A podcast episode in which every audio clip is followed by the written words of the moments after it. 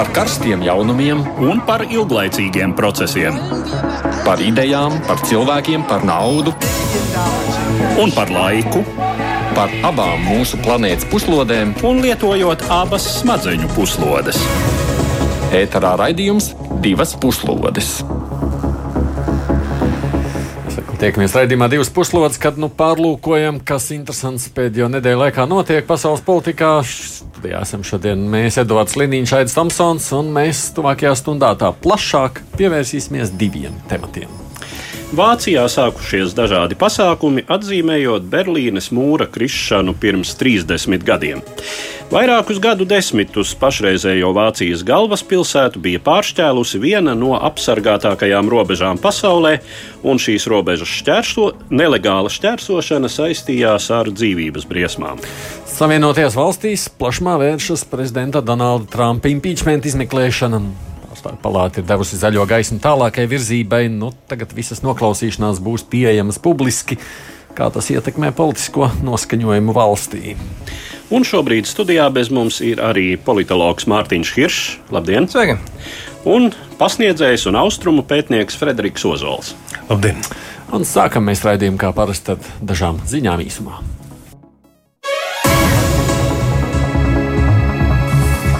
Pievienot Savienotās valsts, ASV prezidents Donalds Trumps un viņa republikāņu sabiedrotie šonadēļ divos štatos ir cietuši ļoti sāpīgas sakās vēlēšanās, kas tad varētu signalizēt par valdošajiem elektorātu noskaņojumiem, tuvojoties nākamā gada prezidenta vēlēšanām.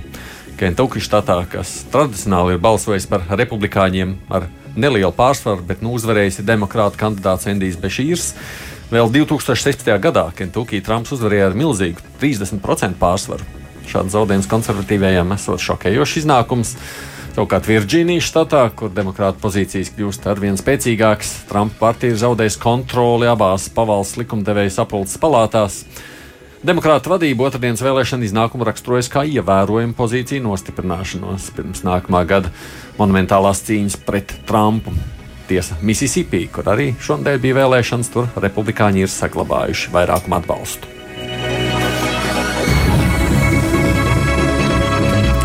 Šveice pārkāptu kāda kristietību pieņēmuša afgāņa cilvēktiesības, ja tā deportētu viņu atpakaļ uz Afganistānu. Tā otrdien nosprieda Eiropas cilvēktiesību tiesa.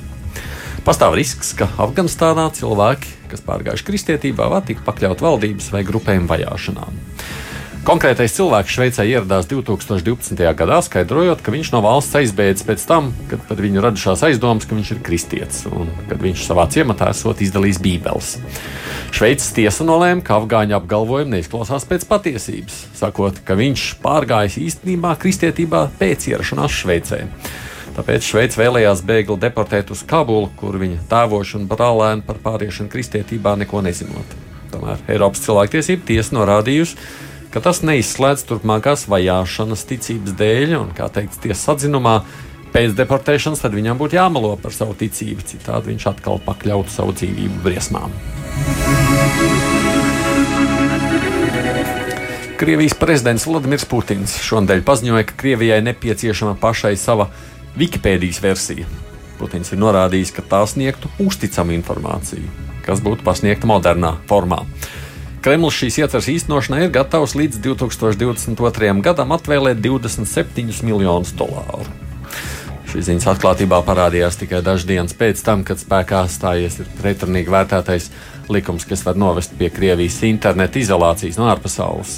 Valdība ar jauno likumu vēlas radīt infrastruktūru suverēnam internetam, apgalvojot, ka tas ir nepieciešams valsts aizsardzībai pret kiberuzbrukumiem no ārvalstīm. Kritiķi savukārt bažīs, ka tas pastiprinās cenzūru nu, un galu galā var novest pie izolēta tīkla līdzīga tam, kāds ir Ziemeļkorejā. Pašreizējais Eiropadomas prezidents Donalds Tusks otrdien paziņoja, ka pēc savu pilnvaru termiņu beigām nekandidēs Polijas prezidenta vēlēšanās. Kopš atrašanās premjerministra amatā viņam esot palikusi pārlieku liela bagāža. Tusks polijas premjera krāslu ieņēma no 2007. līdz 2014. gadam, un šobrīd opozīcijā esošā liberāla konservatīvā partija Pilsoniskā platforma viņu līdz šim ir uzskatījusi par visvēlamāko kandidātu, kas varētu stāties pretī pašreizējiem prezidentam Manžiem Dudam, kuru atbalsta valdošā Nacionāla konservatīvā partija. Tomēr Tusks intervijā Polijas sabiedriskajai televīzijai ir pavēstījis, ka viņš nebūs kandidāts nākamajās prezidenta vēlēšanās. Aptaujas liecina, ka Tusks šobrīd ir populārākais starp iespējamiem opozīcijas kandidātiem. Tajā pašā laikā saskaņā ar aptaujām Duda viņu sakautu vēlēšanu otrajā kārtā, ja abi tiešām iesaistītos cīņā par prezidenta amatu. Tā vien šķiet, ka Eiropā visneapmierinātākie cilvēki ir skolotāji. Vairākās valstīs budžeta apspriešanas kontekstā norit šajā nedēļā plašas protesta akcijas. Viena no tām ir Nīderlande, kur šonadēļ ir slēgts tūkstošiem skolu. Trešdien valstī nestrādāja ap 4000 izglītības iestāžu. Skolotāji nav apmierināti ar valdības politiku klimata pārmaiņu ierobežošanai. Interesanti, ka streiks ir sācies, lai gan valdība ir piešķīrusi gandrīz pusmiljārdu, lai palielinātu skolotāju algas. Arī Čehijā vakar bija slēgts vairāk nekā tūkstošu skolu. Šajā valstī skolotājiem algas tiks palielināts par 10%, bet nu, viņus tas neapmierina. Skolotāji grib 15% pieaugumu. Jāpiebilst, tur vidējā alga skolotājiem ir 1420 eiro mēnesī. Tāpat protesta akcijas notiek Horvātijā. Tur streiks ilgst jau gandrīz mēnesi, bet trešdien skolotāji devās arī ielās protesta gājienā. Tiesa, Horvātiem valdība pagaidām nesola neko. Viņiem nesot papildus naudas. Bet nu pievēršamies tagad sākumā minētiem tematiem, un vispirms par impeachment izmeklēšanu Savienotajās valstīs. Savienoto valstu kongresa pārstāvju palātas izmeklēšanas komiteja senatora Ādama Šifa vadībā turpina prezidenta Donalda Trumpa rīcības izmeklēšanu, kas var beigties ar impeachmenta procesu uzsākšanu. Par izmeklēšanas iemeslu kļuva publiskotā Trumpa telefona saziņa ar Ukrainas prezidentu Volodimiru Zelenski, kurā Savienoto valstu līderis diezgan nepārprotami mēģināja panākt, lai Ukrainā tiktu uzsākta izmeklēšana pret bijušo viceprezidentu un Demokrātiskās partijas kandidātu nākamā gada prezidenta vēlēšanās Džozefu Baidenu un viņa dēlu Hunteru Baidenu. Kā formulējusi pārstāvju palātas spīkere Nancija Pelosi, Trumpa prezidentūras darbības atklāja apkaunojošu faktu, ka prezidents ir rīkojies nodevīgi pret savu amata zvērestu, mūsu nacionālo drošību un mūsu vēlēšanu godīgumu. Kongresmeņu līdz šim uzklausītās liecības nav prezidentam labvēlīgas. Trumpa bijušais īpašais sūtnis Ukrainā Kurts Vokers nodevis komitejai savu kolēģu ziņojumus, kuros paustas bažas par Savienoto valstu līdera mēģinājumiem panākt slepenu vienošanos ar prezidentu Zelenski apmaiņā pret diplomātisko un militāro atbalstu Ukrainai. Fiona Hilla, bijusī Trumpa padomniece Krievijas jautājumos, liecinājusi par amerikāņu drošības dienestu darbinieku paustajām bažām, ka prezidenta juridiskais pārstāvis Rudolfs Giuliani izvērsis Ukrainā aizkulišu diplomātijas kampaņu. Bijusī Savienoto valstu vēstniece Ukrainā Marija Jovanoviča paudusi uzskatu, ka Trumps atbrīvojas viņu no amata, jo uzskatījis, ka viņa simpatizē Baideniem. Savu liecību nesen mainījis Savienoto valstu vēstnieks Eiropas Savienībā Gordons Sondlens, atzīstot, ka informējis Ukrāņu amatpersonas par to, ka Savienoto valstu militārā palīdzība Ukrainai būs atkarīga no viņu gatavības juridiski vērsties pret Baideniem. Izmeklēšanas un nākamā gada prezidenta vēlēšanu kontekstā brīdinoši Donaldam Trumpam un Republikāņu partijai izskatās vairāku nu pat notikušu štatu līmeņa vēlēšanu rezultāti. Republikāņu kandidāts Kentucky gubernatora vēlēšanās Mets Bevins zaudējis savam demokrātu sāncencim Endijam Bešīram. Savukārt Virģīnijas štata likumdevēju sapulcē demokrāti ieguvuši vairākumu pēc vairāk nekā 20 gadu pārtraukuma. Divas puslodes. Atgādījums studijā šeit arī Frederiks Ozols un arī Mārtiņš Hiršs. Viņš ir Ņujorkas Universitātes absolvents. Vispār, kad mēs tā impeachment izmeklēšana tikai sākās. Atcerieties, Eduards, mēs šeit raidījumā ar viesiem spriedām, ka tam tādas lielas ietekmes droši vien uz vēlētājiem nebūs. Tur vispār nekāds lāga impeachments nesanāks. Nu, uh, impeachments mēs spriedām pirmkārt, ka līdz šim vēsturē impeachments nekad nav nonācis līdz prezidenta atcelšanai. Uh, jo to ir, uh, tā procedūra ir pietiekami sarežģīta, un arī šajā gadījumā joprojām republikāņu partijai uh, kongresa augšpalātā, senātā ir vairākums, un ir diezgan maz ticams, ka varētu savākt pietiekamu balsu skaitu, lai tātad prezidentu impeachment procedūras rezultātā atceltu. Bet likās jau arī, ka tas pats iemesls, nu tā kā īsti amerikāņus diez vai tur uzrunās Ukraina vai ne, tur kaut kāda palīdzība. Nu jā, bet mēs redzam, ka Trumpa pretinieki no Demokrātu partijas to saista ar uh, svešas valsts iesaistīšanu vēlēšanu procesā. Uh, tur saskata iespējamu prezidenta amata zvērsta pārkāpumu, jo nu, formulējums par to, kas var būt par pamatu impeachmentam, uh, ir, ir tāds, ka tiem nav jābūt, tie, tie var nebūt tikai krimināli noziegumi. Nepārprotami likuma pārkāpumi tādā krimināla likuma nozīmē, bet arī lūk, šāda Mm, demokrātijas un, uh, un uh, godīgu vēlēšanu principiem, piemēram, neatbilstoša rīcība. Uh, un ne jau, ne jau runa par to, kas notiks Ukrajinā, un, kā, kā izskat, un pat ne par to, kā izskatās Savienoto Valstu un Ukrainas attiecības, jo nu, patiešām vidusmēra amerikānim tas nav diezko būtiski, bet tas, ka svešas valsts amatpersonas tiek pielaistas, pietuvinātas šādā veidā Savienoto Valstu demokrātijas procesam. Un tas jau ir kaut kas, ar ko es domāju, salīdzinoši liela daļa vēlētāju Amerikā nav gatava samierināties. Jūs prāt, cik šis viss nu, ir tā kā nopietni Trumpam? Par ko raizēties. Nu, tas, ka Trumps prasa citas valsts vadībai palīdzēt viņam personīgi vēlēšanu kampaņā, nu, tas nav īsti ierasts ASV. Nu, prezidents pārstāv valsti, un tajā brīdī, kad tu prasi citas valsts politiķiem nu, palīdzēt tieši tev vēlēšana kampaņā un izmanto valsts resursus, lai mm. dabūtu to palīdzību. Uh, nu, tur ir diezgan nopietni likuma pārkāpumi ASV. Tajā, tajā, tajā, tajā, tajā, nu, kā, tas ir viens, un arī nu, kā ASV ārpolitika līdz šim ir veikta, nu, tas tā nenotiek. Ir tas priekšstats caur nezinu, filmām, caur medijiem, ka, kur amerikāņi tur sarunā visu laiku aizslēgtām durvīm. Nu, īsti tā tā ASV politika netiek īstenota. Bet, ja pašā laikā nu, ir divi, divi, divi statistiski cipari, 41% amerikāņu atbalsta Trumpu. Pēdējos trīs gadus 41% nu, diezgan nemainīgi, tā stabili. Un arī tagad, pēdējās nedēļās, mēnešos, tie paši 41 atbalsta Trumpu, lai tur vai kas. Mm. Un tie ir lielākoties republikāņi, lielākoties arī tie, kuriem skatās Fox News vai nu, republikāņu mēdījus un republikāņu mēdījos, un Fox News, jā, viņi runā par impeachmentu, bet tas ir slikti, jo viņš novērš uzmanību no īstajām, īstiem jautājumiem. Tas ir slikti, tas paralizē kongresa darbu, tas ir slikti, jo tas atvērstība par Trumpu. Nu, teiksim, republikāņu vēlētāji nedzirda par šo impeachment procesu to, ko dzirdam nu, mēs, un to, ko dzird demokrāti. No otras puses, savukārt, tas, ko viss šis te, nu, teikt, Trumpa izgājiens ar Ukrajinu un arī impeachment process ir izdarījis pēdējo mēnešu laikā, Uh, tie cilvēki, kas saka, ka Trumpu vajag impeachot, no 40% ir paaugstinājies uz 50%. Nu, Trumpa opozīciju par 10% palielinājusi tādu izteiktu opozīciju, ka viņu atlaist. Viņš ir slikts priekš Amerikas kā prezidents. Tas, ko tos neitrālākos noskaņojis. Tieši tā, aizdzinis uz nu, Trumpa to pretinieku nometnē. Nu, tā teikt, šīs divas vēlēšanas divos štatos, un tas diezgan spēcīgs signāls, ka nu, tā ASV attieksme pret Trumpu ir mainījusies. Un, protams, redzēs, ka būs vēlēšanās, bet tie pirmie signāli ir, ka nu, tam ir bijusi ietekme. Nav mm. tā, ka tas nav neko mainījis. Nu jā, runājot par šīm aptaujām, tas, kas tiek pieminēts, ka joprojām Trumpu stabili atbalsta vēlētāji provincē, laukos mazpilsētās, bet Trumps sāk zaudēt savu elektorātu.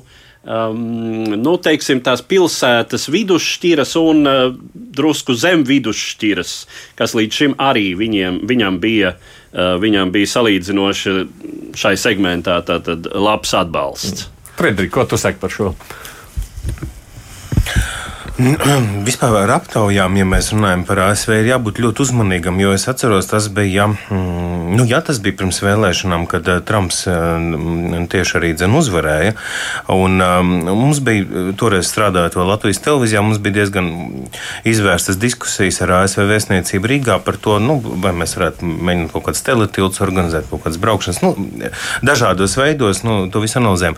Un tad es arī atceros, ka patiešām ar viņu pašiem atkārtot jau tiekoties, viņi vienmēr ļoti uzsvēra ka ASV neveic šādus kopējo, eh, nu, kopējo eh, cenzu, kopējo aptauju, kas būtu ticama un izmērāma par visu valsti. Tas nav ne vēlēšanu priekšvakarā, ne vēlēšanu gaitā. Tas viss būs individuāli katra tā mēdīju tīkla, katra lielā televīzijas tīkla eh, pasūtīt, pirkt. Un līdz ar to viņam arī tas, nu, kā saka, viņi arī sauc, viņi saka, kad paredzamais vai, vai no šīm aptaujām izrietošais. Ja? E, tā ir tā Amerikas specifika. Līdz ar to e, paļauties uz to, ka tās aptaujas, nu tur ir jāskatās. Ir, ir kas ir ticamāks, ir kas ir mazāk ticams. Ja tā ir tā pati, kas arī pirms tam to nosacināja, un ja viņi nav mainījuši metodiku, bet parasti jau tās ziņas, kuras mēs lasām, tik izvērsti, mums to neskaidro. Tāpēc mēs, nu, tas ir tā, tā pirmā komponente. Otrā komponente ar to Trumpu, nu, man līdzīgi kā Brexitā, um, Brexit jautājumā, man nepatīk tā minēšana, būs vai nebūs, jo es pārstāvu tādu uzskatu virzienu, ka tas uz mani neatiecas arī kā uz pētnieku, jo mēs to nevaram paredzēt. Mēs neesam zīlnieki. Uh, arī šis, uh, pie tam šī tradīcija spriedelē, to ir bijusi vēl pirms Trumpa nākšanas. Ja? Un ļoti bieži mūs arī traucē mūsu emocijas, jo Trumps uh, ar savu savu tādu izsmalcinātības trūkumu, ar savu izteikto biznesa orientāciju, bez uh, politiķa un diplomāta nu, smalkuma. Viņš atstāja nepatīkamu iespēju. Viņš arī neatbilst tādam nu, laikmeta garam, uh, ko mēs gribētu sagaidīt. Un tas arī dzen ietekmē mūsu spriestspēju. Man interesantāks, piemēram, ir cits jautājums. Jautājums, vai tiešām ir bez pamata tas, par ko mēs runājam, nu, tas, par ko, mm. tas, par ko viņi spriež. Un tad mēs nonākam līdz kaut kam citam, pieņemsim, tas pats Wall Street Journal tomēr ir atļāvušies nopublicēt arī dzēnu saraksti starp uh, konsultāciju uzņēmumu, to Blue Star Strategies ASV konsultāciju uzņēmumu, kuru savukārt algoja Ukrainas uh, kompānija. Tā, uh, Burisma, jā, tā otra lielākā enerģētikas kompānija, kas algoja savukārt Hunteru Baidenu, ja, tad, tad eh, Baidenu dēlu. Un šī saraksta liecina kaut ko ļoti nepārprotamu. 2014. gadā, tad vēl pirms šī te mums nepatīkamā valdnieka, ja, pret šo kompāniju, līdzīgi kā mums ir piemēram bijis arī ar Lembergu, uh, ceļu pārmetums ASV puse par korupciju. Nu, tad, tad, bet tur parasti ir vairāk, ja, tur ir vesels komplekss par naudu. Visu kompānija sa sajūtot, kas vilst, un tā vēl ir ar Janukoviču saistītā, uh, nu, saistītais uzņēmējs, enerģetikas ministrs bijušais uh, to veidojis. Sajūtot, kas, mil, kas vilst, noalgo ļoti respektabli cilvēki, ASV viceprezidenta vecāko dēlu. Ne, un tur saraksti, jau ir, tur jau ir daudz ko būtu, protams, runāt. Tas jautājums laikam šobrīd ir tāds, vai tas ir jautājums, vai Baidens ir vai nav vainīgs, vai jautājums ir to, ka. Un te, un te, un te mēs, un te sāks tas interesantākais. Mēs šobrīd ejam e, tajā virzienā, ko demokrātu mēdī mums patiešām arī pasniedz. Un tas nav nepareizs. Mēs ejam tajā virzienā, vai ir likumīgi, un te ir patiešām tas ir pants nu, vismaz kādā kaut kā ziņās. Es šaubos, ka kāds no mums četriem ir lasījis ASV likumdošanu. Tur cilvēki nopietni studē daudzus ilgus gadus. Bet, kā es esmu sapratis no ziņām, te ir runa par tirgošanos ar ietekmi. Par ko ir atbildība arī Latvijā? Tur ir ļoti konkrēta lieta. Ja mēs pierādām tirgošanos ar ietekmi visaugstākajā līmenī, nu tad, tad bet atkal tas ir prezidents, kuru sargā arī pats amats. Ja? Tad mēs varētu noslēgt šo visu, nu, vai nu panākt, ka viņš pats saprot, ka ir laiks doties, ja? um, vai arī tad uh, tiešām aiziet līdz tam pēdējam solim impeachment procedūrā un, un, un noteikti veselu. Bet tas Bet tā nav tāpat atbild uz jautājumu, un tas mums ir tikpat būtiski, vismaz tikpat būtiski, jo mēs esam ASV partneri. Par otro sadaļu, ko patiešām tur ir darījis Hunters Baidens. Mēs par šo starp citu jau mums, tad, kad mēs vispār sākām par to runāt, mums bija viena atsevišķa raidījums jau bija par šo. Mm. Mums šobrīd ir Mārs Anģāns, kurš, es saprotu, pārcēlies uz Ameriku Rīgas Traģņu universitātes pasniedzēts Māri Kalu. Jā, labrīt, Amerikā. Ah, pareizi, jums tas ir labrīt. Paldies. Labi. Nu, Katru reizi nebūtu. Es nezinu, kāda ir tā noskaņa pašos amerikāņos par visiem šiem procesiem. Kā, nu, cik tev iznāk šobrīd novērot, ko paši amerikāņi, kā ietekmē viņas visu šis impeachment izmeklēšanu? Jā, nu, jautājums, protams, plaši apspriests, eh, kā teikt, gan arī katrā virtuvē. Eh, un eh, jāsaka tā, ka noskaņojums ir diezgan polarizēts. Un pamatā pa tām līnijām, pa kādām partijām parasti vēlētāji balso. Nu, protams, nav tā, ka visi visu mūžu redz pa vienu partiju balso, bet nu, var redzēt, ka cilvēki, tie, kuriem vairāk simpatizē republikāņu idejas, tāds konservatīvāks kurs, tad tie aizstāv Trumpu. Viņi arī nu, skatās un klausās konservatīvākus medijus, nu, un tad atkal otra puse - demokrāti, kam ir pilnīgi citādāks viedoklis. To nevar teikt tā, ka nu, kāds viens, viens vienots viedoklis valdīt šeit. Mm. Kā izskatās, vai tas, ka tās izmeklēšanas tādas būs publiskas, nu, mēdī droši vien par to daudz runās, tas varētu kaut kādā veidā mainīt šo noskaņojumu? Mm, noteikti, ka noskaņojums nemainīsies daudz. Skaidrs, ka tā ir daļa no priekšvēlēšana procesa. Jau, jau daudzās pavalstīs notiek uh, vēlēšana procesi, gan gubernatoru, gan, gan pavalstu likumdošanu uh, vēlēšanas. Un, uh, pamazām tuvojas februāris, kad sāksies demokrātu partijas ietvaros balsošana. Un, uh, un acīm redzot, ir skaidrs, ka demokrāti labprāt ievilkt šo procesu ilgāk, nākamajā gadā, bet nu, republikāņi vēlētos to ātrāk um, izbeigt nu, ar vienu vai otru veidu balsojumu. Nu, kas nozīmē, ka visticamāk impeachments būs vienkārši kā tāda iespēja izmantot to priekšvēlēšanu retorikā un nevairāk? Nu, visticamāk, jā. Jo nu, ļoti maz ticams, ka uh, senātā uh, varētu būt pozitīvs balsojums. Pārstāvā palātā visticamāk uh, notiks pozitīvs balsojums par impeachmentu. Un skaidrs, ka nu, abas partijas izmantos to savā labā. Uh, Jo Trumps eh, veido cietēju tēlu savu vēlētāju acīs, sauc par aganu medībām un vēl daudzos dažādos vārdos eh, notiekošo, tāpat kā viņa atbalstītāji. Un, un tiek meklēti nu, saka, dažādi cēnas puses lieciniekos, kas uh, nāk uz kongresu liecināt. Un, un, un savukārt paradoxāli, bet tas viss nāk pa labi arī demokrātiem. Jo, nu, nav tā, ka tās lietas arī ar Baidenu ir pilnīgi tīras. Nu, tur ir jautājums zīmes. Uh, Un, un, un tās aptaujas rāda, ka nu, vai no šī vai cita iemesla dēļ arī Baidenam tik labi vairs neiet. Aizvien vairāk labāk rādītāji ir Elzbatē Vorenai, Bernijam Sandersam un Pītam Butegigam. Ir pat aptaujas Aihovā, kurš nu, pats nav pirmajā trīniekā Baidens vairs. Mm. Paldies, es saku Māri, Māris Anģāns, kurš ir agrā rītā šobrīd Amerikas Savienotajās valstīs. Bet tā, tā jau laikam vienmēr ja tā tie, kas ir iesaistīti kādos aizdomās, tad jau tie, kas tur pa vidu tā ne, ne līdz galam rūp, nesaprot. Demokrātiem ir sava drošā pārliecība, republikāņiem savu, bet tie, kas tur tā pa vidu, viņi saka, nu, nevar jau zināt. Nē, nē, nu, tomēr, tomēr arī cilvēki tur lieliski saprot, ka jau Ukrāņi ir algojuši viceprezidenta dēlu, un viceprezidenta dēlam ir izdevies, kurš nav pats amatpersona, ir izdevies norganizēt valsts departamentā sapulci Šajā sapulcē ir atkārtoti, nu, kā, kā liecina šīs e-pasta saraksts, kas ir nākus klajā. Šajā sapulcē ir atkārtoti pacelts jautājums par šo kompāniju, pret kuru ASV valsts departaments gribēja noteikt sankcijas ierobežojums. Ja? Nu, tad mēs saprotam, ka nu, te ir jautājums, kurš pirmais sāk tirgoties ar ietekmi. Un, un, un otrs ir jautājums, varbūt, ja Trumps būtu izvēlējies citu metodi, nu, pirmām kārtām netik publisku, um, mēs par to vispār šobrīd nerunātu. Uh, jo, godīgi sakot, patiešām bija problēmas ar pašu izmeklēšanu Ukrajinā. Tas arī bija zināms jautājums, jo tā tika stopēta. Vai šī izmeklēšana bija jāstopē, tas ir otrs morālētisks dabas jautājums. Nerunājot par to, ka tas ir arī tīri juridisks dabas jautājums, ko mēs varam uzdot. Ja? Bet vai nav tā, ka beig beigās Mārtiņa zaudēja abi? Nu, pieliekot, gan, gan Baidens. Kādam jau ir beigās jāuzvar. Pieliekot vēl vienu elementu, kas mums Latvijā arī diezgan tāds svarīgs.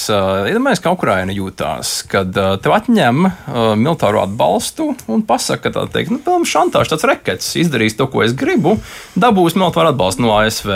Nu, kāpēc Amerika jau šādi, man liekas, nu, kaut no, kādā mērā. Tik nier, ne, ne, nav tik vienkārši. Nu, no, bet, no, bet, ne tā, kad ASV prezidents saka, izdarīsim man personīgi personīgu labumu. Nevis Amerikai. Skaidrs, ka Amerika tāda kā valsts prasa arī Latvijai tur korupciju vai sakārtot, demokrātiju, visu, visu tā teikt. Jā, Nē, nu, bet Ukraina to jau ir dzirdējusi vairāk kārt arī dzen to starp no Eiropas Savienības un pat no Merkels, eh, jo tomēr šī militārā palīdzība tā jau ir daudzos dažādos projektos. Tā nav viena kabata, viens maks, jā.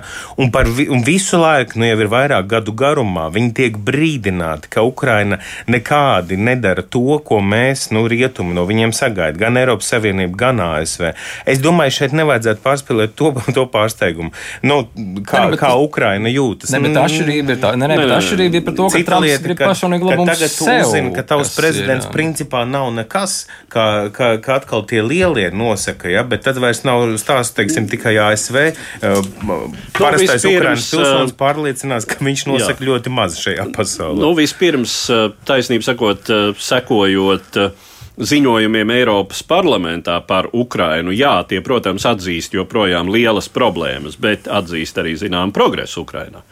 Tā ka nav tā, ka Ukraina dzird tikai pārmetumus un nopēlumu oficiālā līmenī, un nu, nav salīdzināms oficiāls līmenis, kurā mm, par Ukrainu tiek runāts. Ja? Un Ukrainai tiek kārtējo reizi teiksim, ieteikts pastiprināt cīņu pret korupciju, naudas atmazgāšanu un tā tālāk. Un tā tālāk. Ukrainai ir joprojām, protams, milzīgas problēmas. Uh, un to mēs, es domāju, Latvijā ļoti labi varam iedomāties, jo nu, arī mums tika izteikti ne tik skaļi un ne, ne tik asi, bet savā laikā tika izteikti pārmetumi. Tas arī mums bija uh, Eh, nepatīkami, un uz šī, eh, kā es diezgan labi atceros, eh, uz šīs nepatikas fona daži mēģināja profitēt, sakot, redziet, kā amerikāņi bāž degunu mūsu iekšējās lietās, stāstot Latvijai, kā tai ir jāapkaro korupcija. Nobīdot malā jautājumu, ka, ka korupcija bija ka problēmas bija. Ja?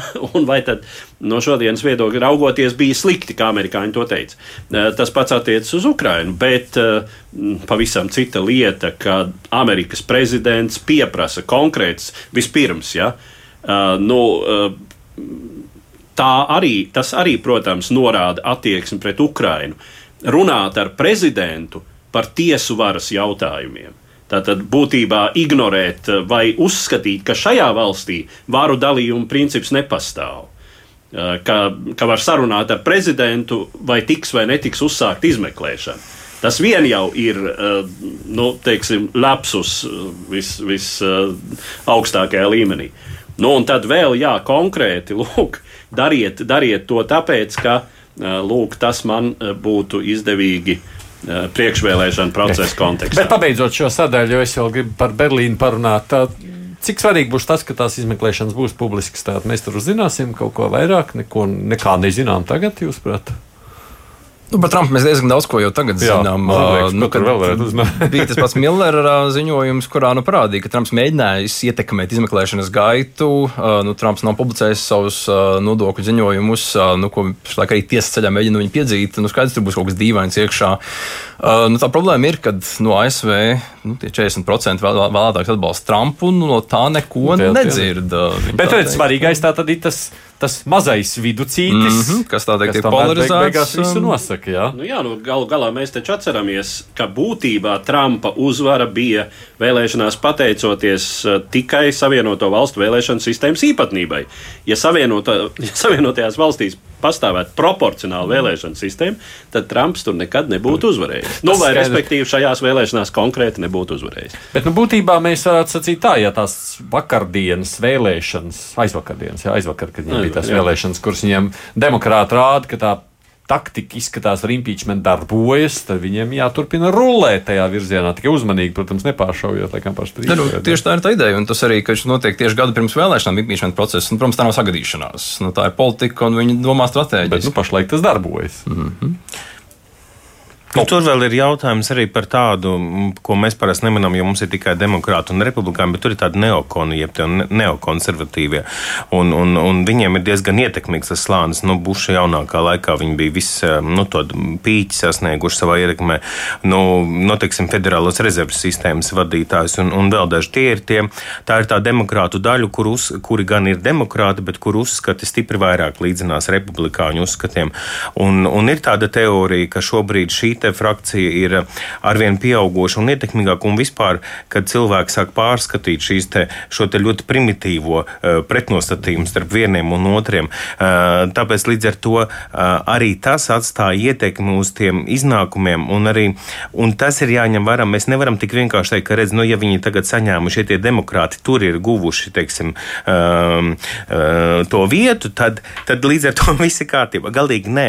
Lielajās vēlēšanās viss var atkal izskatīties citādi citādāk tieši uz šo te, um, nu, šī te lielāka patiesībā viedokļu spektra atšķirību nekā mēs uh, to esam pieraduši vērtēt. Un gads politikā ir ļoti daudz. Tas nu arī skaidrs, to mēs zinām no pieredzes.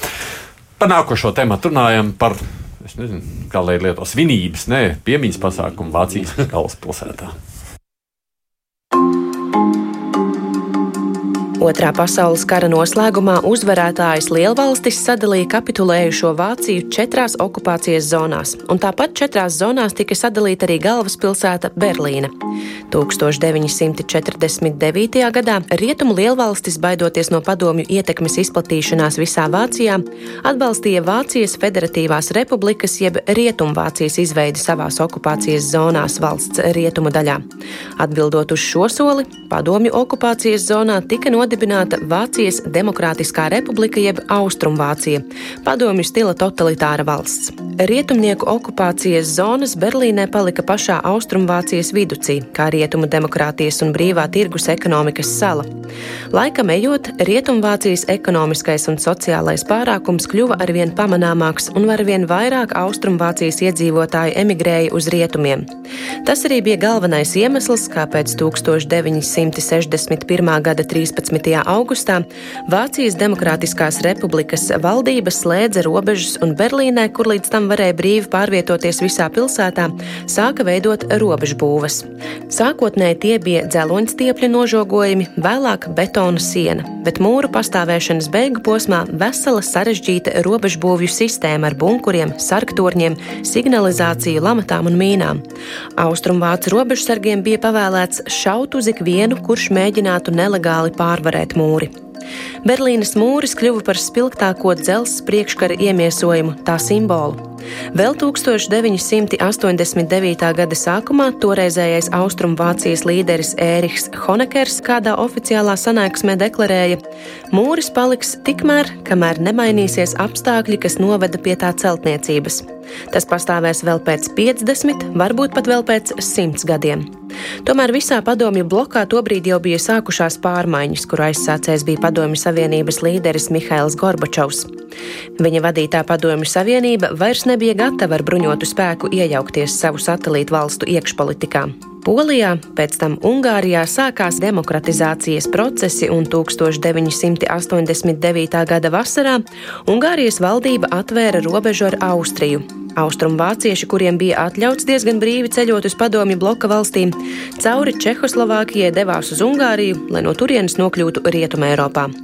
Austrumberlīnas valdības mēģinājumi šo plūsmu apturēt ar aizliegumiem izraisīja plašus protestus un streiku draudus. Oktobra vidū vecišķo Honekeru Vācijas Demokrātiskās republikas priekšgalā nomainīja gados jaunākais Egons Krents un tika izstrādāti plāni par izceļošanas kārtības liberalizāciju. 1989. gada 9. novembrī Vācijas Socialistiskās vienības partijas pārstāvim Ginteram Šabauskim vajadzēja preses konferencē paziņot par pakāpenisku jaunās kārtības ieviešanu. Taču, nebūdams pietiekami sagatavojies, viņš kļūmīgi paziņoja, ka robeža tiekot atvērta nekavējoties. Tālākie notikumi vairs nebija kontrolējami. Ļaužu masas no abām Berlīnes daļām plūda uz mūri, pārsteigtie austrumvācu robežsargi neuzdrīkstējās viņus kavēt un līdz tam rūpīgi apsargātā robeža beidza pastāvēt. Mūris bija kritis. Daudzu ieskatā tas bija pārmaiņu neatgriezeniskuma punkts, pēc kura padomju sistēmas sabrukums vairs nebija novēršams. Divas puslodes. Gadiņas studijā šeit arī pasniedzējis austrumu pētnieks Cedriks Ozols un politologs Mārtiņš Kiršs. Nu, mēs ar Eduardu Liniņu arī, protams, ko mēs katrs atceramies no tā laika, ja es tādu pirms raidījuma sāku sacīt, cik mums katram gadu sākām skaitīt Mārtiņ, ko tu atceries? Nu, tikpat kā neko no bērnība agra. Agra bērnība.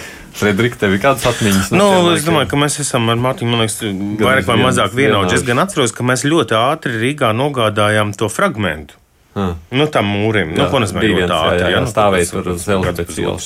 Jā, jā, jā. Man liekas, bet tagad vairs nav. Ir, ir joprojām. Ir joprojām, jā. jā, taču, jā ir taču vienīgais, ka tam ir, nu, tā kā pazudis tāds. Bet, nu, tas jau nebija tā, nu, cik es atceros, jo es, es kaut kā skatījos ziņas par spīti tam, ka es tiešām biju salīdzinoši mazs vēl ķipars, bet, uh, bet tas, nu, tas nebija tāds. Uh, nu, um, nu, tas nebija tāds notikums, par kuru stāstīja ar, ar gavilēm, kā es pieņemu par to tajā brīdī ziņoja rietumu presa. Tas bija nu, nu tā. Nu, tas bija tā. Jā, no Edvards. Es īsti neatceros precīzi to, ko tajā laikā par to stāstīja Latvijas presa, lai gan stāstīja noteikti. Tas iekļāvās tādā vispārējā demokratizācijas plūsmā, tai pārmaiņu vējā, kas Mums jau bija sava atmodu tajā laikā. Jā, un, un dažus mēnešus, atcerēsimies, dažus mēnešus pirms Berlīnas mūra mēs sadevāmies rokās Baltijas ceļā. Un tas mums bija ļoti nozīmīgs pasākums, starp citu, pirms pieciem gadiem, kad es biju Berlīnē, laikā, kad tur tika atzīmēti 25 gadi.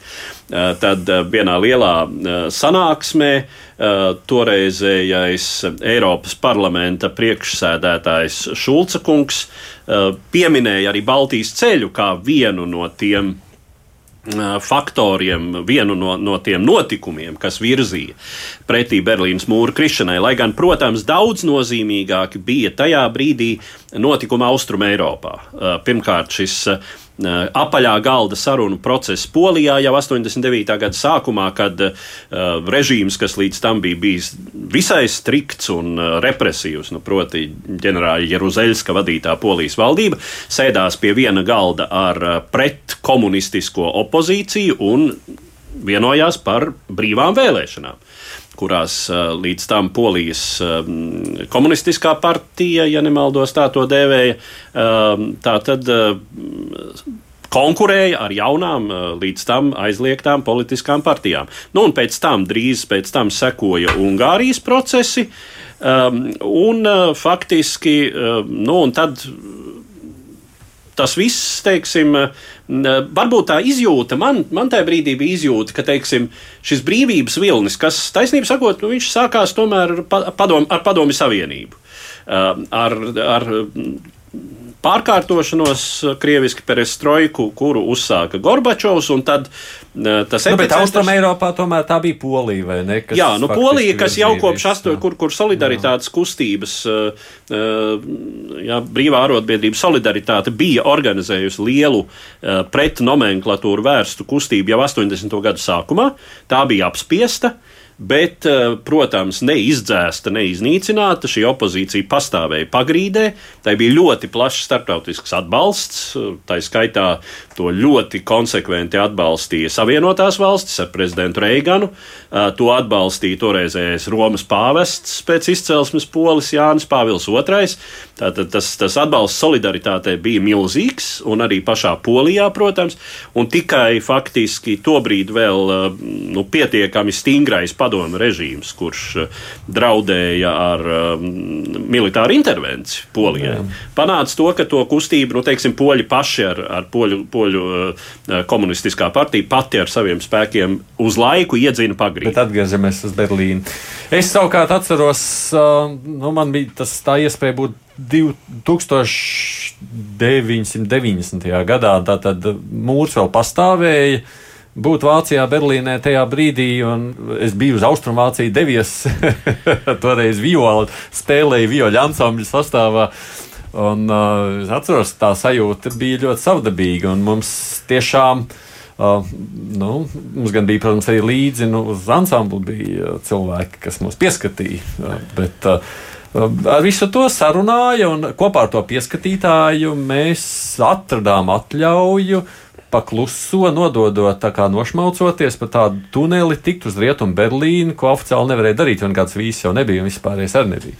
Un mēs iegājām tajā rietumu Berlīnē, un tas skats uz tiem veikaliem, tu tur ej un tur, tur pavēlti dod, zin, kā degustēt, kas pie mums nelikās. Tad mēs saidāmies pie degustācijas standiem, visādas tādas lietas, nu, kas tajā laikā bija. Un kopš tā brīža, nu, mēs atgriezāmies, protams, atpakaļ tādā pašā veidā, pa tādu tunelī, jā, tur piemiedzot ar aci tiem robežsargiem, zinot, ka mēs tā ejam. Uh, nu, tā sajūta man vienmēr ir likusies pēc tam Berlīnē, kad es ierodos meklēt, kur ir tas mūrs bijis. Mm. Man pat šķita, ka žēl, ka vācieši tā centās ļoti dzēst no atmiņas ārā visas tās vietas. Tā aizbūvēt, ka tur nemaz nekādas atmiņas nebija. Lielā mērā viņi atstāja tikai atsevišķus punktus, kur liecināja, bet daudzās vietās uzbūvēja Jā. visu pa jaunu sataisīt tā, lai viņiem tās pilsētas sašķeltība vairs nebūtu. Bet nu, tas ir ļoti loģiski, jo, jo šis mūra, šī mūra zona ne tikai tieši tā mūra josla, kuru Austrumvācija izveidoja, jo nu, bija divas beigu posmā, divas betona sienas, starp tām mirusi josla, ja, mm kur nojauktas būves, ja, lai var, Zaļ lai var labi, labi šaut, jā, lai var labi šaut uz iespējamajiem pārbēdzējiem. Tad lūk, arī pie paša mūra un arī rietumu pusē tā vide bija diezgan margināla. Ja kāds tagad aizbrauc uz Berlīnu, es domāju, tā panorāma joprojām pastāv tur checkpoint Čārlī rajonā, kur var uzkāpt un paskatīties, kā nu, uzgleznot panorāmu, ja, kā izskatījās no rietumu puses. Un tur ir arī teiksim, tā dzīve pie mūra rietumu pusē, kas ir redzama diezgan marģināli. Protams, atceros, ka Reikstāgs bija briesmīgā stāvoklī. Nu, tas skats uz turieni bija. Bet man ir viena atmiņa, kas bija tajā laikā, un par ko es toreiz ļoti aizdomājos. Es biju jauns čalis, protams. Tur ik pa brītiņām, faktiski ik pa pusminūtei piebrauc kāds pie Reikstāga, izkāpa no mašīnas, parādīja Kailu Hitleru un brauc tālāk. Un tā bija lieta, ko es redzēju savām acīm. Un no šī viedokļa es drīzāk domājot par visiem tiem tā laika notikumiem, esmu domājis, kas noticis šajos nākošajos nu, 30 gados. Kad ne īsti tas Kaila Hitlers tā iedzīvojās, aizgāja. Nē, arī nu, šķiet, ka viņi to sašķelti. Tas ir, tas ir ļoti interesanti. Ja? Es, es esmu diezgan pārliecināts, ka tie, kuri šo nacistu sveicienu tur rādīja, nebija no Rietumvācijas ka tie visdrīzāk tomēr bija, bija Austrumvācijas. Ka tie visdrīzāk, nē, nu, te, tev vajadzēja mēģināt fiksēt to, automašīnas jā, nē, markas, bet, protams, bet man ir aizdoms, ka tie varētu būt jā. poļu Fiat un Trabanti, no kuriem tur kā pārā un rādīja šo zīmi. Neatceros, jā, bet tā sašķelti, nu, proti, tas nākošo 30 gadu stāsts, jūsuprāt, Vācijā ir veiksmes stāsts? es, es tikai paturpinu to tavu. Zinu, diemžēl, e, tad, kad es tur esmu, es vēl ar vienu uzduros gan kādam krievu turistam, gan kādam arī letiņam, kurš neaizmirsīs šos te jokus Hitler, Kaputu un Hende Hohe. Ja? Tā kā, nu, diemžēl, acīm redzot, ir kaut kādas kultūra iezīmes, kas mums iet e, ilgāk līdzi nekā mēs e, gribētu. Runājot par sašķeltību, es teikšu tā, es salīdzinoši nesen biju. Um, Nē, nu, nē, nu, ko nozīmē nesen uz vēlēšanām. Es biju uh, pēc viņu ārlietu ministrijas uzaicinājuma tur, un nu, tad, tad, attiecīgi, viņi paši izvēlējās arī viesnīcu, kur man izmitināt. Un uh, viesnīcā virs, virs minibāra plauktā skatos, nu, tā kā tāda alus buļģiņa, bet tā nebija alus. Bet nu, nu, tieši tā kā alus buļģiņa, uh, slavenais uh, Šprēvaldes gurķītis. Nu, viņš viens tāds mazs, šaura tāda bundzele, nu, tieši tā kā uz buļbuļs mēdz būt nu, tāds, eh, tas sprēvels buļbuļs. Un viņš ir pieminēts arī filmā Goodbye Lenin. Nu, tieši par mm. šo te, eh, nu, tad, kur, tā, kur tā dāma, ja, kurai, kurai, kurai, priekš kuras tiek radīta tā kā, kā Austrumvācija vēl ir, jā, lai viņi nepiedzīvo šo traumu. Uh, Un kas ir šis Šprēvalds Gurķis? Es pēc tam savam, uh, savam uh, draugam uh, Vācijā, viņš ir vēsturnieks, es viņam prasu, es saku, nu, tad diezgan pārsteidzoši. Es saku, es, viņš saka, jā, nu tas ir, kā, kā viņi, viņi tur sauc DDR nostalģiju un, un no, nostalģišu DDR kultūra produktu un arī OSI produkta. Viņam ir veseli tātad valodā ir iegājuši veseli jēdzienu, nu, koncepti, kas apzīmē šos te nostalģijas, austrumu nostalģijas produktus. Nošķeltība ir, tā ir milzīgi. Un, un tas ir patiesībā tieši tas pats, ko mēs varam redzēt mums arī sociālajos tīklos, kad pēkšņi parādās nostalģiski video par to, kā varēja tomēr interesanti katrā ziņā dzīvot 80. gados, kur tā pati, nu, tā kā mēs jokojāmies desā ar to līdz papīru, bet tomēr pēkšņi izraisa nostalģiskas jūtas. Tā ir īstā doktordās. Kas man vēl iekrita acīs, National Geographic savulaik bija tāds raksts, un tur bija, bet ne tik sen, un tur bija bilde, nu, nezinu, kosmosa kosmosa. Nu, acīm redzot, tas bija tās augstās izšķirtspējas eh, satelīts no kosmosa, bet pievilkts salīdzinoši tuvu Berlīnu tieši.